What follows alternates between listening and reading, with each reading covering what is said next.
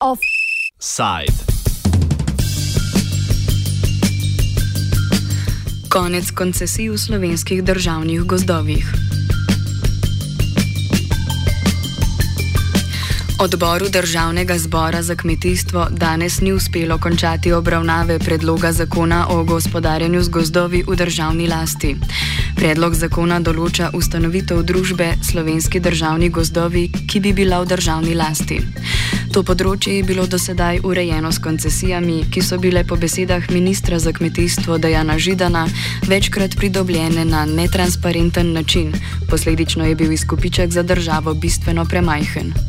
Trenutno koncesijsko obdobje se izteče 1. julija, ko naj bi začela delovati novo ustanovljena družba, ki predvideva približno 200 zaposlenih.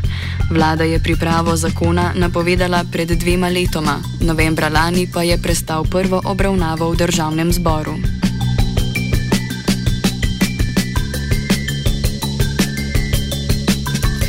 Glavna dejavnost družbe Slovenski državni gozdovi bo skrb za sečnjo, spravilo in prodajo lesu ter sklepanje dolgoročnih pogodb. Franc Pohleven, profesor na oddelku za lesarstvo na Biotehnički fakulteti v Ljubljani, je previdno optimističen glede nove družbe.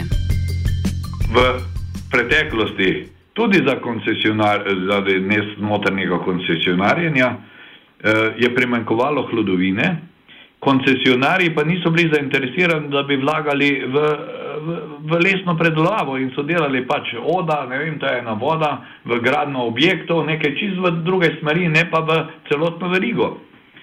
E, torej, zato bi seveda jaz bolj pričakoval, da bi oni pokazali interes, oskrbovali verigo in profit iskali v predelavi, ne pa samo v nekem izvozu hlodov. Ne. Eh, in, in jaz pravim, da je bil premali, pre, pre, premali izplen države je bil zaradi tega v teh, eh, iz, iz svojih gozdov državnih. Ne? Eh, druga stvar, torej premalo vlaganje v njego gozda. In zato menim, da slabše, kot je zdaj bilo 20 let, ne more biti. In da podpiram ustanovitev je ta zakon in ustanovitev državnega tega podjetja, družbe, slovenske državni gost, ker ne vidim prihodnosti v koncesionarjenju.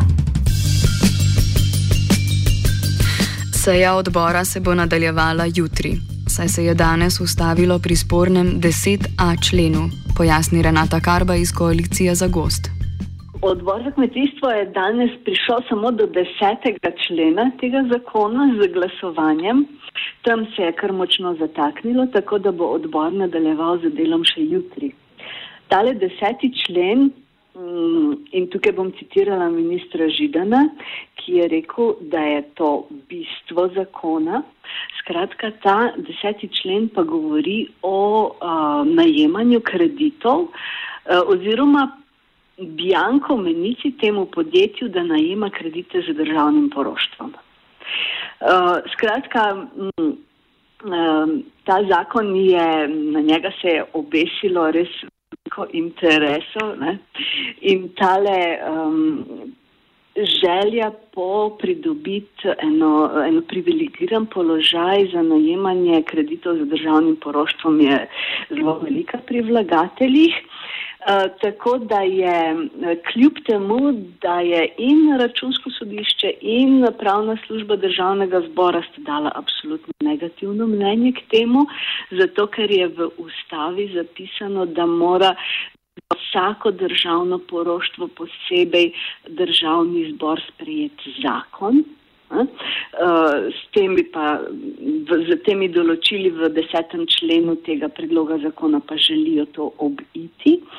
Eh, skratka, tukaj se močno zatika. Eh, in je to seveda zanimivo tudi iz stališča, ker si predlagatelji zakona očitno sabotirajo sami svoj zakon, ker uh, si predstavljam, da bodo nasprotniki zakona dejstvo, da bo v njega, če bo, ne, če bo to sprejeto, da bo v njega vgrajeno nekaj neustavnega, seveda izkoristili, da bo, zato, da bodo zakon minirali. Med usklajevanjem je v koaliciji, predvsem med ministrovim SD-jem in poslanci SMC-ja, prišlo do nesoglasij glede omenjenega člena, ki pa naj bi jih po besedah Ivana Škodnika iz stranke Modernega centra v kratkem presegli. Kar se poroštev tiče, bomo še uskladili, ker to smo tu nekako prekinali sejo, ampak jaz mislim, da se bomo tu uskladili eh, tudi danes, se bomo še nekaj povarjali, tako da jutri ob devetih bomo tu nadaljevali in jaz eh, po današnjih, pravzaprav današnji razpravi eh, koalicije, pravzaprav ne vidim nekih takih večjih zadržkov, čeprav so predvsej bili, sej od nekaterih drugih, ampak jaz mislim, da je tu koalicija se je danes pokazala zelo enotno.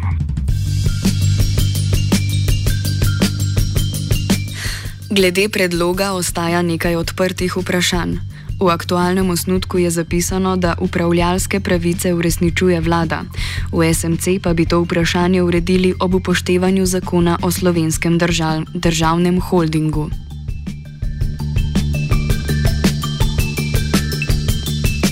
Predlog zakona spremljajo številni pomisleki, med drugim tudi ekološke narave.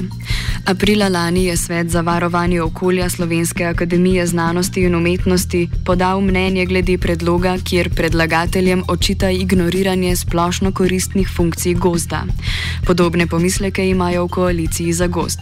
Renata Karba pravi, da so se od začetka zauzemali za to, da bi na naše državne gozdove pogledali kot eh, v vsem, kar nudijo družbi, ne samo kot vir lesa. Ker uh, gozdovi dejansko družbi nudijo še vse kaj drugega, še druge ekosistemske storitve, kot se zdaj temu reče. Skratka, od rekreacijske funkcije do um, varovalne funkcije v zvezi z kakovostjo zemlje, vode, zraka in tako naprej. Skratka, da bi um, upravljali z državnimi gozdovi na način, da bi maksimizirali vse te ekosistemske storitve. Eh? Ker v tem, kar je zdaj predlagano, se dejansko gre samo za les. Uh, moramo vedeti, da les je edina um, storitev, ekosistemska storitev gozda, ki se jo da monetarizirati. Skratka, ki jo lahko neposredno damo na trg in prodamo. Uh, to, da imamo mi um, veliko gozdov uh, in lepo krajino in da je to za turiste privlačno, uh, to je veliko teže izračunati, koliko je to vredno in teže unovčiti.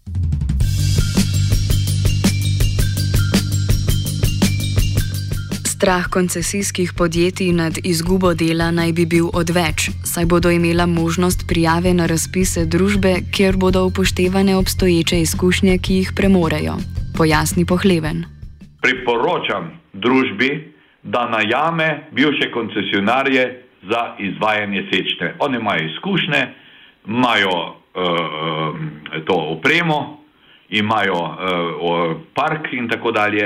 In da jim plač, eh, ker je odkazilo bilo, njih najame, da posekajo mogoče za ravno za, tiste, eh, za tisto vsoto, kot so zdaj oplačevali državi, torej tam 10, 12, 13 evrov po kubiko, 50 evrov bo pa država pokasirala, da bo pač eh, se bogatila, vlagala v nego gozda in ni to bolj smiselno. Ob grandioznih napovedih ministra Židana je vredno omembe, da ministrstvo, kot razlaga Karba, sploh ni predstavilo jasnega načrta delovanja družbe.